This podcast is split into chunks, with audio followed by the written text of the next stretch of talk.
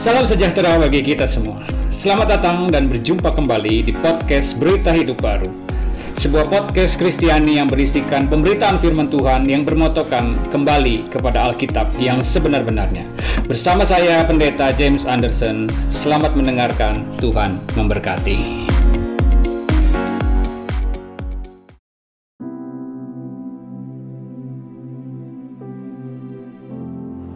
Shalom sahabat berita hidup baru yang dikasihi Tuhan.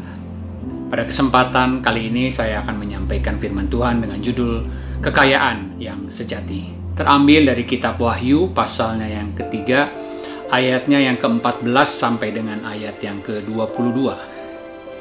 Kitab Wahyu pasalnya yang ketiga ayat 14 sampai dengan 22 demikian firman Tuhan.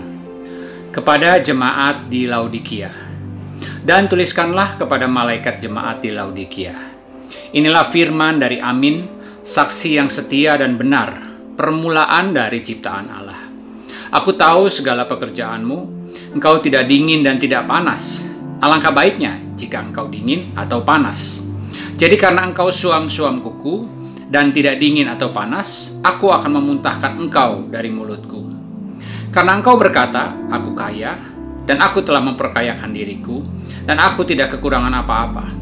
Dan karena engkau tidak tahu bahwa engkau melarat dan malang, miskin, buta, dan telanjang, maka aku menasihatkan engkau supaya engkau membeli daripadaku emas yang telah dimurnikan dalam api, agar engkau menjadi kaya, dan juga pakaian putih, supaya engkau memakainya, agar jangan kelihatan ketelanjanganmu yang memalukan, dan lagi minyak untuk melumas matamu, supaya engkau dapat melihat. Barang siapa kukasihi, ia kutegur dan kuhajar. Sebab itu, relakanlah hatimu dan bertobatlah. Lihat, aku berdiri di muka pintu dan mengetok. Jikalau ada orang yang mendengar suaraku dan membukakan pintu, aku akan masuk mendapatkannya, dan aku makan bersama-sama dengan dia, dan ia bersama-sama dengan aku. Barang siapa menang, ia akan kududukkan bersama-sama dengan aku di atas tahtaku, sebagaimana aku pun telah menang dan duduk bersama-sama dengan Bapakku di atas tahtanya. Siapa bertelinga, hendaklah ia mendengarkan apa yang dikatakan roh kepada jemaat-jemaat. Siapa yang ingin hidupnya berbahagia, biarlah mereka yang mendengar, merenungkan, dan yang melakukan firman. Sebab saya percaya bagi mereka lah janji Tuhan akan digenapi. Amin.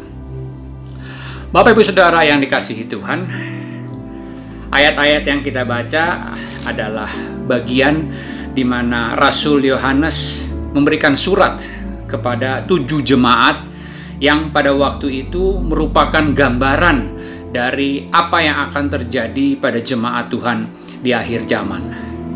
Jadi pada waktu itu tentu saja ada banyak jemaat Tuhan di berbagai kota, namun tujuh jemaat ini diambil sebagai contoh untuk memberikan peringatan, untuk memberikan teguran kepada jemaat yang berada di akhir zaman. Di mana salah satunya teguran yang diberikan adalah kepada jemaat di Laodikia. Teguran kepada jemaat Laodikia adalah bahwa mereka adalah jemaat yang suam-suam kuku. Selama ini kita sering kali mempergunakan istilah suam-suam kuku ketika kita melihat orang Kristen yang dulu rajin beribadah dan kemudian sekarang malas-malasan atau ogah-ogahan. Dulu rajin pelayanan dan sekarang malas-malas untuk eh, mereka melayani. Jadi itulah orang yang kita sebut suam-suam kuku. Namun apabila kita melihat dari perkataan Tuhan Yesus, melihat kepada konteks teguran kepada jemaat di Laodikia. Ternyata yang dimaksud suam-suam kuku bukanlah orang yang dulu rajin melayani sekarang tidak, dulu yang rajin beribadah dan sekarang tidak. Bukan itu Bapak Ibu Saudara, melainkan di ayat yang ke-17 dikatakan karena engkau berkata, aku kaya dan aku telah memperkayakan diriku dan aku tidak kekurangan apa-apa. Jadi mereka yang suam-suam kuku adalah orang yang katanya adalah sebagai orang Kristen, rajin beribadah, namun fokusnya adalah uang, mencari uang dan hidup untuk dirinya sendiri di mana mereka berkata kepada diri mereka sendiri, aku kaya, aku telah memperkayakan diriku dan aku tidak kekurangan apa-apa. Seolah-olah dengan ibadah yang mereka lakukan, mereka adalah orang-orang yang bertekun kepada Tuhan.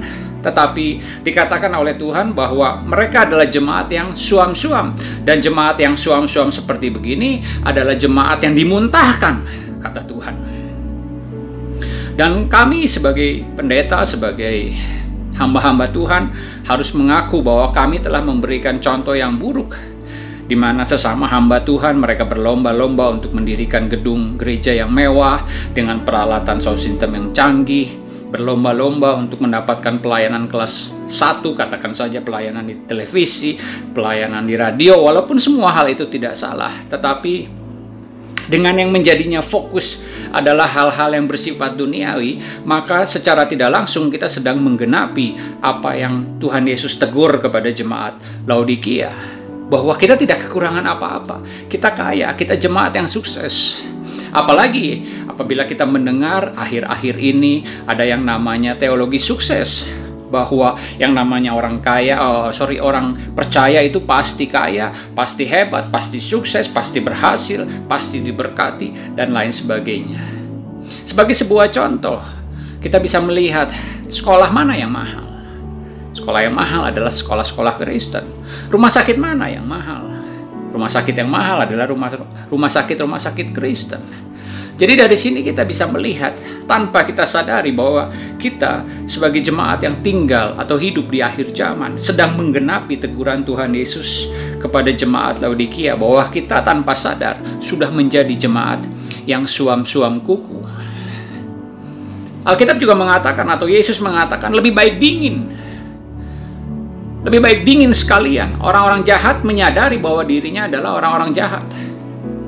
Tetapi orang-orang yang suam-suam kuku menganggap dirinya adalah orang-orang yang baik. Orang-orang yang bertekun di dalam Tuhan. Tetapi dikatakan bahwa Yesus akan memuntahkan mereka. Tentu saja, sebagai jemaat Tuhan yang dikasihi oleh Tuhan, saya merindukan kita semua ingin menjadi orang-orang yang panas bagi Tuhan, berapi-api bagi Tuhan, berapi-api di dalam beribadah, berapi-api di dalam melayani Tuhan dan lain sebagainya. Namun yang terpenting bukan soal ibadahnya, bukan soal pelayanannya. Di sini dikatakan kalau kita ingin menjadi orang yang panas, tidak dingin, tidak suam-suam. Caranya adalah bahwa kita harus datang kepada Yesus dan membeli emas yang telah dimurnikan dari dalam api. Yang kedua, kita harus membeli pakaian putih dan yang ketiga, kita harus membeli minyak untuk pelumas mata. Ada tiga yang harus kita beli: emas, pakaian, dan minyak. Perhatikan Bapak Ibu Saudara bahwa kata yang disebutkan di sana adalah membeli, bukan meminta. Kalau kita kekurangan hikmat, kita bisa minta kepada Tuhan. Jikalau kita sakit, kita bisa minta kesembuhan daripada Tuhan. Tetapi saudara tidak bisa minta yang namanya emas, pakaian putih, dan minyak pelumas mata dari Tuhan. Saudara harus beli dan kalau yang namanya beli, pasti ada harganya. Apa harga yang harus kita bayar atau berikan untuk mendapatkan emas, pakaian putih, dan minyak pelumas mata? Harganya ada di ayat yang 19, barang siapa kukasihi, aku tegur dan kuhajar, sebab itu relakanlah hatimu dan bertobatlah. Jadi inilah harganya Bapak Ibu Saudara, yang dia minta adalah hati kita. Kita harus merelakan hati kita. Buat apa? Nah, itu itu yang akan kita bahas atau pelajari bersama-sama apa yang dimaksud emas yang telah dimurnikan, apa yang dimaksud dengan pakaian putih dan apa yang dimaksud dengan minyak pelumas mata. Tetapi dari sejak awal saya mau mendorong kita semua bahwa ayo kita relakan hati kita kepada Yesus. Sebab itulah syarat atau harga yang harus kita berikan untuk kita bisa memperoleh tiga hal yang Yesus sudah sediakan. Nah, apa saja yang harus kita beli dari Tuhan Yesus? Yang pertama adalah kita membeli dari Tuhan emas yang telah dimurnikan dari dalam api. Apa maksudnya? Apakah ini berbicara mengenai emas secara fisik, secara lahiriah? Tentu saja tidak, karena jemaat Laodikia adalah jemaat yang kaya. Jadi emas di sini adalah emas merupakan sebuah perlambang. Jadi apa yang dimaksud emas yang telah dimurnikan dari dalam hati? Api. Saya akan membacakan dari Maleahi pasalnya yang ketiga. Ayatnya yang pertama sampai dengan ayat yang ketiga. Maleahi pasal 3 ayat yang pertama sampai dengan ayat yang ketiga. Lihat, aku menyuruh utusanku supaya ia mempersiapkan jalan di hadapanku. Dengan mendadak, Tuhan yang kamu cari itu akan masuk ke baitnya. Malaikat perjanjian yang kamu kehendaki itu, sesungguhnya ia datang firman Tuhan semesta alam. Perhatikan Bapak Ibu Saudara ayat kedua dan ayat ketiga. Siapakah yang dapat tahan akan hari kedatangannya? Dan siapakah yang dapat tetap berdiri apabila ia menampakkan diri? Sebab ia seperti api tukang pemurni logam dan seperti sabun tukang penatu. Ia akan duduk seperti orang yang memurnikan dan mentahirkan perak dan ia mentahirkan orang Lewi, menyucikan mereka seperti emas dan seperti perak, supaya mereka menjadi orang-orang yang mempersembahkan korban yang benar kepada Tuhan. Bapak Ibu Saudara, jadi dari sini saya mengetahui ya bahwa Yesus menggambarkan dirinya itu sebagaimana api di tangan seorang pemurni logam dan bagaikan sabun di tangan seorang penatu Nah, apa maksudnya? Bahwa Yesus itu bagaikan api dan Yesus itu bagaikan sabun. Dan apa yang dimurnikan oleh dia, apa yang dia bersihkan. Dan saya meyakini bahwa yang dia bersihkan adalah manusia batiniah kita, manusia yang ada di dalam. Sebab emas, perak, dan kekayaan tidak akan bisa kita bawa pulang. Tetapi hati dan pikiran yang murni, bagaikan emas yang murni, itulah yang akan kita bawa ke hadapan Tuhan ketika kita meninggalkan dunia ini. Bagaimana cara Yesus menyucikan kita? Rasul Paulus di dalam 1 Petrus 1 ayat 6 dan 7 mengatakan melalui pencobaan. Sedangkan Yesaya di dalam Yesaya 48 ayat 10 mengatakan melalui dapur kesengsaraan. Jadi yang dikerjakan oleh Yesus adalah bahwa dia memurnikan kita dan dia sendirilah yang menjadi apinya dan yang menjadi sabun yang membersihkan kehidupan kita. Saudara pernah melihat yang namanya emas murni 24 karat? Ya, dan yang namanya emas murni 24 karat itu dia memiliki sifat yang pertama lunak dan juga lentur.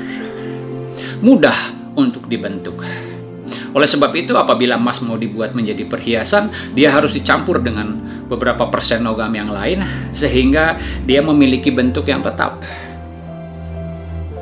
Dan yang kedua, sifat daripada emas murni itu adalah dia tidak bisa berkarat. Makanya dia disebut logam mulia. Tidak bisa berkarat. Jadi kalau kita menemukan sebongkah emas katakan saja dari sebuah sungai, dan kemudian kita melihat bahwa emas itu ada karatnya, maka saya mau beritahu bahwa bukan emasnya yang berkarat, tetapi campuran logam yang ada di dalamnya yang berkarat. Saya pernah membaca sebuah artikel bahwa campuran-campuran logam itu disebut sebagai alloy. Di mana alloy ini ada yang berupa tembaga, besi, nikel, seng, dan logam-logam lainnya. Di dalam kehidupan kita, di dalam hati dan pikiran manusia. Ada yang namanya sistem-sistem dunia, nilai-nilai dunia, gaya hidup dunia, filosofi, pola pikir, kebudayaan, adat-adat dan tradisi dari dunia yang tidak sesuai dengan firman yang hidup di dalam hati dan pikiran kita. Dan hal inilah yang membuat hati kita menjadi keras dan berkarat. Tidak mudah untuk dibentuk, tidak lunak di hadapan Tuhan dan kemudian menghasilkan karat. Ya, sebagaimana kita tahu bahwa besi-besi yang berkarat pada akhirnya tidak dapat dipergunakan lagi. Oleh sebab itu, menjadi sebuah perhatian bagi kita bagaimana kita menyerahkan hati kita untuk dimurnikan oleh Tuhan Yesus. Sebagai sebuah contoh bahwa pola pikir itu dapat yang namanya membuat hati kita berkarat. Misalnya sebagai pasangan suami dengan istri sedang bertengkar.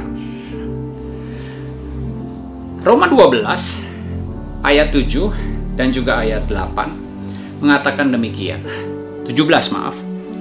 Roma 12 ayat 17 dan 18. Janganlah membalas kejahatan dengan kejahatan.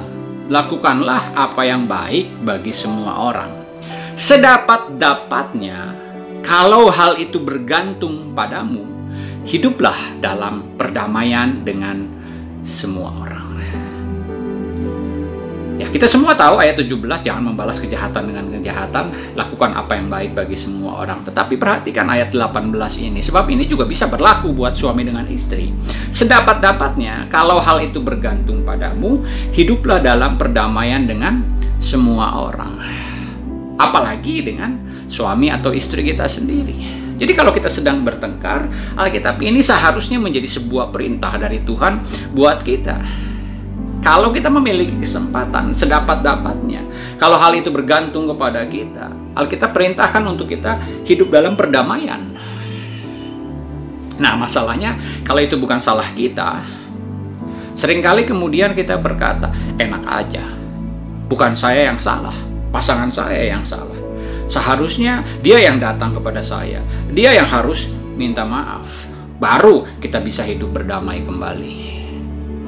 Tetapi pola pikir seperti ini bukan berasal dari Alkitab. Pola pikir seperti ini berasal dari dunia, atau boleh saya katakan berasal dari kedanggigan manusia. Bayangkan, seandainya Tuhan Yesus mengatakan hal yang sama. Bapa memerintahkan Yesus sebagai juru selamat, yaitu mati di atas kayu salib sebagai korban penebus dosa bagi kita semua. Bayangkan, seandainya kemudian Tuhan Yesus berkata hal yang sama. Kenapa harus saya yang mati? Itu salah mereka. Biar aja mereka yang menanggung sendiri. Dan apabila Yesus berkata demikian, maka pada hari ini saudara dan saya masih hidup di dalam dosa kita masing-masing. Jadi Bapak Ibu Saudara bisa melihat bahwa yang namanya pola pikir, filosofi, gaya hidup, nilai-nilai, sistem-sistem atau apa pun yang berasal dari dunia dan juga dari daging kita itu bisa membuat hati dan pikiran kita menjadi keras dan menjadi berkarat dan Tuhan tidak mau itu. Makanya dia mau murnikan. Dan dia murnikan bukan apa yang ada di luar tetapi yang ada di dalam. Nah, bagaimana caranya Tuhan memurnikan? Nah, kembali lagi kita melihat bagaimana seseorang memurnikan emas. Jadi apabila kita mendapatkan sebuah bongkahan emas yang masih bercampur dengan campuran logam atau alloy itu tadi, kita panaskan. Panaskan dengan api yang sangat tinggi derajatnya dan kemudian dia mulai mencair. Nah, pada saat dia mencair ditambahkan dengan apa yang namanya flux kalau saudara tidak tahu apa itu flux, saudara bisa Google saja, bisa lihat itu adalah semacam serbuk yang gunanya adalah nanti dia memisahkan antara emas dan juga logam-logam yang lainnya. Di mana logam-logam yang lainnya pada akhirnya akan timbul ke permukaan. Nah, di dalam kehidupan asli, di dalam kehidupan kita secara lahiriah, bagaimana proses Yesus memurnikan kita? Caranya dengan hal yang sama, yaitu memunculkan sesuatu yang tidak ada di dalam diri kita, yang tadinya kita tidak sadari, supaya itu keluar dan menyadarkan kita, oh ternyata saya memiliki sesuatu di dalam hati saya yang tidak benar. Misalnya saja, saudara apa pernah ketemu atau berjumpa dengan seseorang yang saudara kenal dulu waktu dia miskin adalah orang yang sederhana, tetapi kemudian ketika dia menjadi kaya, dia berubah menjadi orang yang sombong. Ya, mungkin di antara kita pernah ketemu dengan orang seperti itu. Tetapi satu hal yang saya mau sampaikan bahwa dia sebenarnya tidak berubah. Karena benih kesombongan itu sebenarnya ada di dalam hatinya. Hanya saja kita tidak pernah tahu sebab tidak pernah muncul. Karena dulu dia adalah orang yang miskin. Tetapi Tuhan tahu benih kesombongan itu ada di dalam hati manusia. Itu bagaikan campuran logam yang ada bersama-sama dengan emas. Oleh sebab itu harus dipanaskan, harus dibakar. Dan namanya yang dibakar itu menyakitkan. Sama. Ketika orang yang semula miskin kemudian menjadi kaya, kesombongannya keluar. Pada saat itulah apabila dia menyerahkan hatinya untuk membeli emas yang telah dimurnikan dari dalam hati. Tuhan mulai memproses kehidupan dia untuk menyangkal kedagingannya, untuk menyangkal kehidupannya sendiri yang penuh dengan kesombongan. Mau nggak kamu tinggalkan kesombongan itu? Dan rasanya menyakitkan, sama seperti emas yang dibakar. Nah pada akhirnya tinggal tergantung daripada pilihan kita. Mau nggak dimurnikan oleh Tuhan Yesus? Walaupun rasanya menyakitkan, tetapi yakinlah Bapak Ibu Saudara, apabila kita memilih untuk menyerahkan hati kita dimurnikan oleh Tuhan, maka pada suatu hari kita akan bersuka cita oleh pilihan yang kita ambil. Yang kedua, apa yang harus kita beli dari Tuhan? Hal kedua yang harus kita beli dari Tuhan adalah pakaian yang putih. Nah, apa yang dimaksud dengan pakaian putih? Di dalam Wahyu pasal 19 ayat yang ke-8 menjelaskan apa yang dimaksud oleh pakaian putih. Dan kepadanya dikaruniakan supaya memakai kain lenan halus yang berkilau-kilauan dan yang putih bersih. Kemudian ada penjelasannya di sana. Lenan halus itu adalah perbuatan-perbuatan yang benar dari orang-orang kudus. Jadi sekarang kita tahu apa yang dimaksud pakaian putih yang harus kita beli dari Tuhan Yesus, yaitu perbuatan-perbuatan yang benar dari orang-orang kudus. Apa yang dimaksud dengan kebenaran? Secara teologis, kebenaran itu ada tiga yang pertama, Yesus berkata, "Akulah jalan, kebenaran, dan hidup." Yang kedua, Roh Kudus disebut sebagai roh kebenaran. Namun ada yang ketiga, firman Tuhan di dalam Yohanes 17 ayat 17 juga dikatakan sebagai kebenaran. Yohanes 17 berkata, "Sebab firmanmu adalah kebenaran." Jadi secara teologis ada tiga yang disebut kebenaran. Yesus, Roh Kudus dan juga firman-Nya. Namun di dalam praktek, apa yang dimaksud dengan kebenaran? Secara praktis, apa yang dimaksud dengan kebenaran? Saudara tidak usah berpikir terlalu jauh, menafsirkan hal-hal yang sulit. Karena sebenarnya yang namanya kebenaran itu sesuatu yang simple, yang mudah. Jadi apa kebenaran? Kebenaran adalah sesuatu yang benar. Contohnya seperti apa? Misalnya di jalan kita lampu sedang merah. Boleh jalan nggak? Nah, kita tahu apa yang benar. Membuang sampah. Kita tahu mana yang benar.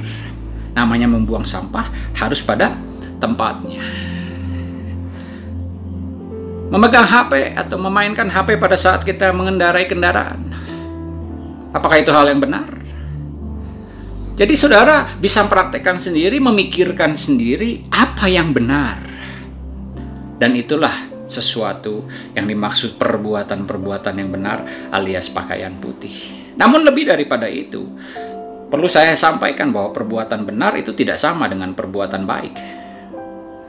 Dan juga sebaliknya perbuatan baik tidak sama dengan perbuatan benar. Saya berikan sebuah contoh.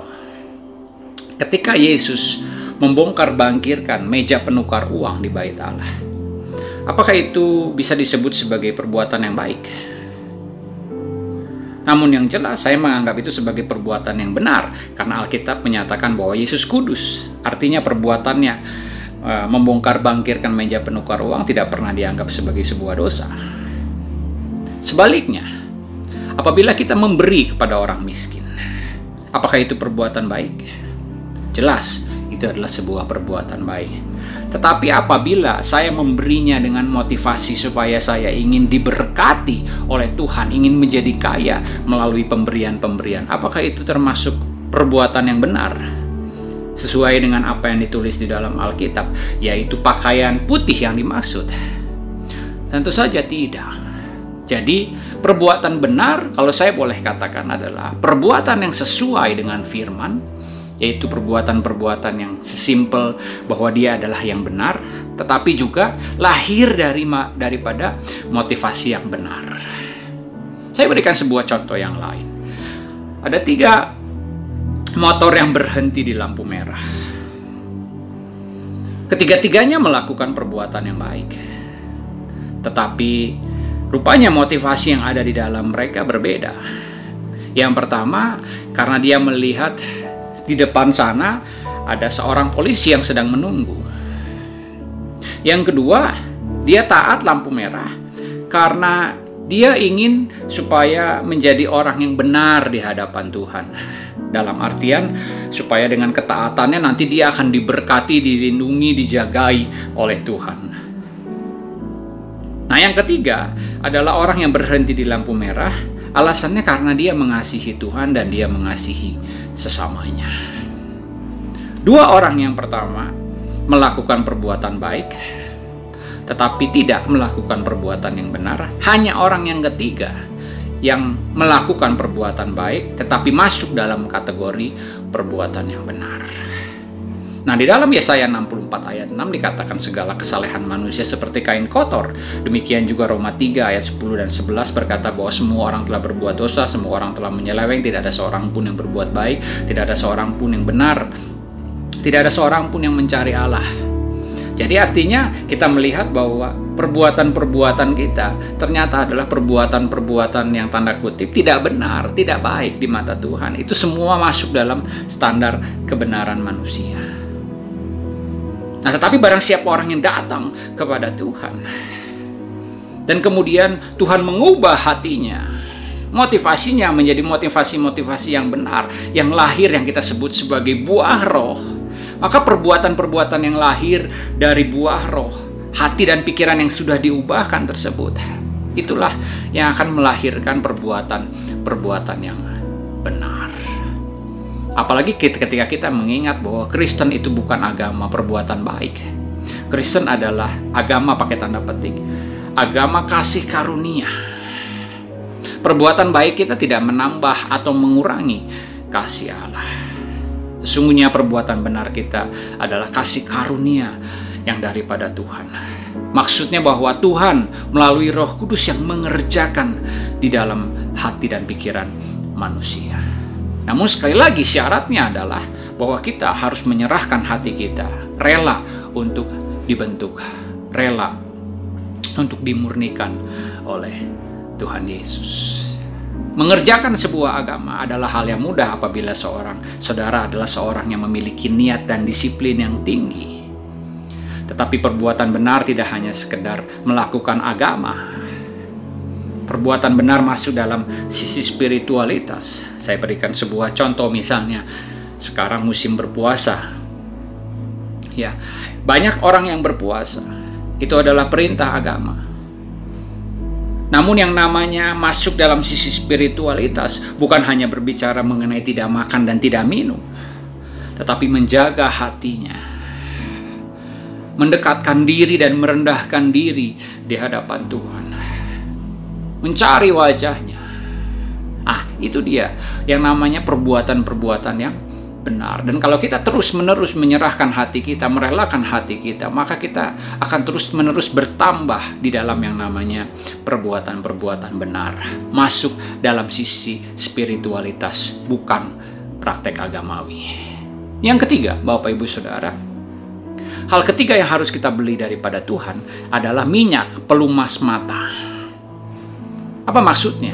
Saya melihat di dalam bahasa aslinya adalah kolorium di mana kemudian saya melihat dari yang namanya kamus dan akhirnya menemukan jawabannya bahwa kolorium itu adalah campuran minyak pada zaman dulu yang dipergunakan untuk mengobati orang-orang yang sakit mata. Kalau zaman sekarang mungkin kita bisa katakan sebagai salep mata untuk mengobati orang-orang yang sakit mata. Nah, minyak pelumas mata ini kemudian dijadikan sebuah gambaran oleh Tuhan Yesus sebagai alat untuk menjelaskan bahwa sering kali kita walaupun mengikut Yesus mengalami kebutaan rohani yang sama sebagaimana orang-orang Farisi. Saya akan bukakan ayat terakhir dari Matius 23 ayat 23 di mana hal ini menjelaskan mengenai kebutaan rohani dan apa dampaknya di dalam kehidupan kita. Matius 23 ayat 23, celakalah kamu, hai ahli-ahli Taurat dan orang-orang Farisi, hai kamu orang-orang munafik, sebab persepuluhan dari selasih, adas manis dan jintan kamu bayar. Tetapi yang terpenting dalam hukum Taurat kamu abaikan, yaitu keadilan dan belas kasihan dan kesetiaan. Yang satu harus dilakukan, yang lain jangan diabaikan. Hai kamu pemimpin-pemimpin buta, Nyamuk kamu tawiskan dari dalam minumanmu, tetapi unta yang ada di dalamnya kamu telan. Celakalah kamu, hai ahli-ahli Taurat dan orang-orang Farisi. Farisi, hai kamu orang-orang munafik, sebab cawan dan pinggan kamu bersihkan sebelah luarnya, tetapi sebelah dalamnya penuh rampasan dan kerakusan. Hai orang-orang Farisi yang buta, bersihkan dahulu sebelah dalam cawan itu, maka sebelah luarnya juga akan bersih. Di sini jelas sekali dikatakan bahwa orang-orang Farisi dan juga ahli-ahli Taurat adalah orang-orang yang buta. Tentu saja mereka bukan orang-orang yang buta secara lahiriah karena mereka bisa melihat. Namun yang dimaksud buta di sini adalah bahwa mereka tidak mengenal kebenaran yang sesungguhnya. Bahwa orang-orang Farisi memberikan persepuluhan mereka dengan setia dan mereka pikir bahwa mereka akan diberkati karena janji Tuhan di dalam perjanjian lama barang siapa memberi persepuluhan mereka akan diberkati. Tetapi yang mereka dapatkan bukanlah berkat dari Tuhan melainkan kutuk. Celakalah kamu.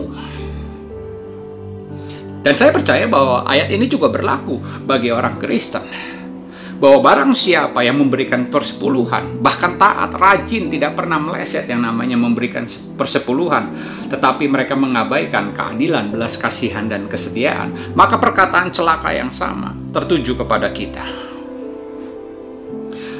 Kenapa Tuhan Yesus tiba-tiba berkata mengenai keadilan, belas kasihan, dan kesetiaan? Saya tidak akan jelaskan panjang lebar karena itu akan saya khotbahkan nanti di bagian persepuluhan. Tetapi yang pasti di dalam perjanjian lama ada tiga macam persepuluhan yaitu Maaser Rishon, Maaser Ani, dan Maaser Sheni. Secara urutan Maaser Rishon, Maaser Sheni, dan Maaser Ani. Di mana inti atau nilai dari ketiga persepuluhan tersebut adalah keadilan, belas kasihan, dan juga kesetiaan.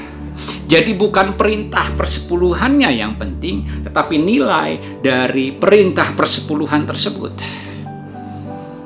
Dan orang-orang Farisi gagal melihat kebenaran ini. Yang penting bagi mereka adalah prakteknya, praktek agamawinya. Jadi hati-hati Bapak Ibu Saudara, bagi kita semua yang sering mengatakan yang penting praktek, yang penting praktek. Tidak sesederhana itu apabila kita tidak mengetahui nilai atau hati Tuhan di balik sebuah perintah. Sedangkan yang kita lakukan hanya perintahnya, maka perkataan Tuhan Yesus celakalah kamu tertuju bagi kita. Jadi penting sekali bagi kita untuk merelakan hati untuk dibentuk. Karena sering kali ketika kita mendengarkan sebuah kebenaran yang berbeda daripada yang sudah kita dengar biasanya dan kemudian tidak sesuai, kemudian mulai kita menolak mereka tanpa kita memeriksa dahulu sebelum kita memeriksa apa yang Alkitab katakan mengenai apa yang mereka sampaikan, kita sudah terlebih dahulu menolak. Jadi apa bedanya kita dengan orang-orang yang buta secara rohani? Apa bedanya kita dengan orang Farisi dan ahli Taurat?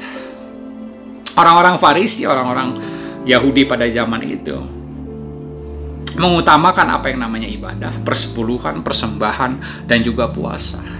Tiga pilar agama Yahudi adalah persembahan, doa, dan puasa. Tetapi mari kita lihat apa yang Yesus sampaikan di dalam Matius 9 ayat 13. Yesus mengajarkan, "Pergilah dan pelajarilah arti firman ini. Yang ku kehendaki ialah belas kasihan dan bukan persembahan. Sebab aku datang bukan untuk mencari orang benar, melainkan orang berdosa." Jadi berbeda sekali apa yang dilakukan oleh orang Farisi dan juga oleh Tuhan Yesus. Orang-orang Farisi seolah-olah lebih baik kalau menurut kacamata dunia. Mereka orang yang rajin beribadah, taat memberikan persepuluhan, memberikan persembahan atau e, sedekah bagi orang miskin, lalu berpuasa dan lain sebagainya. Sedangkan kalau kita lihat kehidupan Tuhan Yesus, gaulnya dengan pemungut cukai, dengan para pelacur. Jadi saya membayangkan apabila Yesus datang bukan 2000 tahun yang lalu, tetapi tak datang di tahun 2021, maka mungkin kalau kita mau mencari Yesus, kita bakalan ketemu Tuhan Yesus mungkin di Las Vegas, di tempat para penjudi, atau mungkin di tempat-tempat di mana banyak pelacur. Nah, di situlah Yesus datang dan kemudian memberitakan Injil. Karena untuk itulah kita datang. Yesus mengatakan bahwa kita semua adalah garam, kita semua adalah terang dunia. Yang namanya garam tidak dimaksudkan untuk terus-menerus kumpul dengan sesama garam. Kalau garam ketemu dengan garam, maka jadi gudang garam. Tetapi tempat di mana garam itu seharusnya berada adalah di sebuah panci. Di dalam sebuah panci yang mungkin ada sayur-sayuran dan ada air. Tapi jika tidak ada garam, maka itu menjadi sop yang tidak enak rasanya. Tapi dengan kehadiran garam, maka sop itu menjadi nikmat. Demikian juga dengan terang. Terang tidak dimaksudkan untuk selalu berkumpul dengan yang namanya terang. Nanti silau. Tapi yang namanya terang harus berada di kegelapan. Untuk apa? Untuk menerangi kegelapan tersebut. Jadi inilah tiga hal di mana kita harus merelakan hati kita untuk kemudian Tuhan bentuk. Tuhan berikan pencerahan, Tuhan ubah supaya yang kita lakukan berbeda dengan orang-orang yang mengaku mengenal Tuhan, rajin beribadah, rajin ke gereja, rajin pelayanan, rajin memberikan persepuluhan, namun semuanya dipandang tidak ada artinya. Karena sesungguhnya yang mereka lakukan semuanya hanya kulit luarnya saja. Padahal Yesus katakan, kamu orang-orang munafik, orang-orang buta, bersihkan dulu sebelah dalam. Jadi fokus kita adalah membersihkan yang ada di dalam. Tetapi siapa manusia yang sanggup untuk membersihkan hati dan pikiran? Makanya kita harus datang kepada Tuhan dan membeli dari Dia. Nanti Dia yang akan datang untuk membersihkan apa yang ada di dalam. Dan kalau yang di dalam sudah bersih, pasti yang luar juga menjadi bersih. Nah, yang menjadi pertanyaan terakhir adalah ke mana saya bisa membeli emas, pakaian putih, dan minyak pelumas mata? Ke mana saya harus mencarinya? Kita kembali lagi ke Wahyu 3 ayat 20 dikatakan demikian. Lihat, aku berdiri di muka pintu dan mengetok. Jikalau ada orang yang mendengar suaraku dan membukakan pintu, aku akan masuk mendapatkannya dan aku akan makan bersama-sama dengan dia dan ia bersama-sama dengan aku. Jadi saya membayangkan Tuhan Yesus itu seperti seorang penjual keliling di mana dia berjalan berkeliling di perumahan dan kemudian saya bayangkan dia menjadi seorang penjual yang maaf tidak tahu malu. Mungkin saudara pernah rumahnya diketok oleh para penjajah entah itu makanan atau hal-hal yang lainnya. Jadi mereka mengetuk pagar saudara dan terus menerus mengetuk sampai akhirnya kita bertanya siapa atau mau mencari siapa kemudian mereka mulai menawarkan dagangan mereka Nah itulah gambaran kalau saya lihat apa yang dikerjakan oleh Tuhan Yesus. Dia berkeliling dan kemudian mengetuk pintu setiap hati orang-orang yang mengaku sebagai anak-anak Tuhan. Nah yang menjadi masalah adalah dikatakan Jikalau ada orang yang mendengar suaraku dan membukakan pintu, aku akan masuk. Jadi ada dua hal di sini. Yang pertama mendengar suaraku dan yang kedua membuka pintu. Jadi dari dua hal ini ada tiga kemungkinan yang bisa terjadi. Yang pertama, ada orang-orang yang tidak mendengar suara ketukan. Kenapa bisa? Ya mungkin mereka sedang sibuk dengan pekerjaannya, sibuk dengan televisi, dengan hobinya, dengan HP-nya, dengan tabletnya, atau hal-hal lain. Sehingga ketika ada suara ketukan dari Tuhan Yesus, kita tidak mendengar suara tersebut. Dan berapa kali di dalam kehidupan kita ketika kita jatuh di dalam dosa atau melakukan kesalahan, kita terlalu sibuk dengan diri kita sendiri, dengan hal-hal yang kita lakukan, sehingga kita tidak lagi mendengar ketukan Tuhan Yesus di dalam hati kita. Kemungkinan yang kedua adalah kita mendengar, tetapi tidak mau membuka. Berapa banyak orang yang mendengar ketukan dari Tuhan Yesus, tetapi memang tidak mau membuka hati. Mungkin karena egonya, atau bisa juga karena pengalamannya. dia mengeraskan hati dan tidak mau membuka pintu bagi Yesus. Saya mau katakan hati-hati apabila kita terlalu sering mengeraskan hati. Jangan-jangan hati kita lama-lama menjadi keras.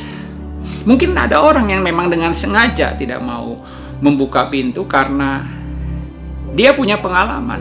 Dia membuka pintu dan kemudian dia membeli emas yang dimurnikan dari dalam api, tetapi kemudian dia merasakan sakit dia merasakan betapa beratnya yang namanya dimurnikan, betapa beratnya yang namanya memperoleh pelumas mata dan pakaian putih. Jadi ketika Yesus menawarkan lagi, dia tidak mau.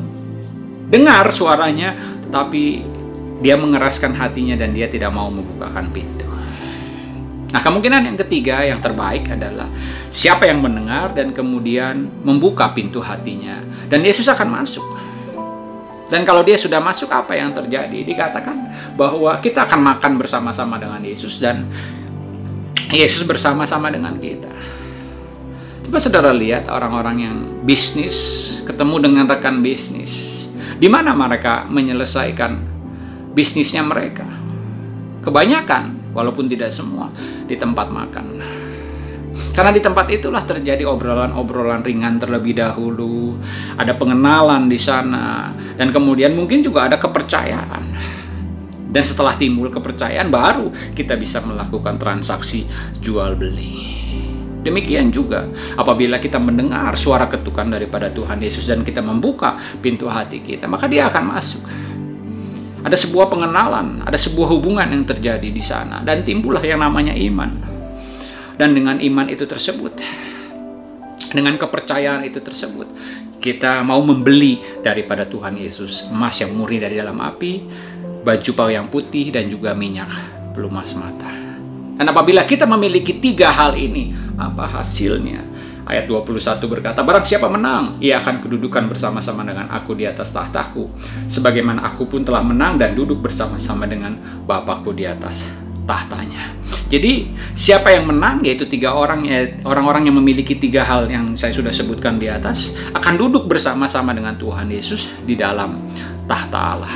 Jadi inilah kekayaan sejati yang saya maksudkan dari sejak semula. Bahwa emas, perak, dan segala kekayaan yang kita miliki di dunia ini, termasuk rumah dan segala kekayaannya, tidak akan kita bisa bawa pulang yang kita bisa bawa pulang adalah manusia batinnya kita yang sudah diubahkan oleh Tuhan. Dan itulah harta yang kita miliki yang membuat kita tidak akan malu berjumpa dengan pencipta kita. Dan sebagai penutup, di ayat ke-22 dikatakan, Siapa bertelinga, hendaklah ia mendengar apa yang dikatakan roh kepada jemaat-jemaat. Saya juga berdoa agar kita semua mendengar apa yang dikatakan Roh kepada jemaat. Amin. Tuhan memberkati.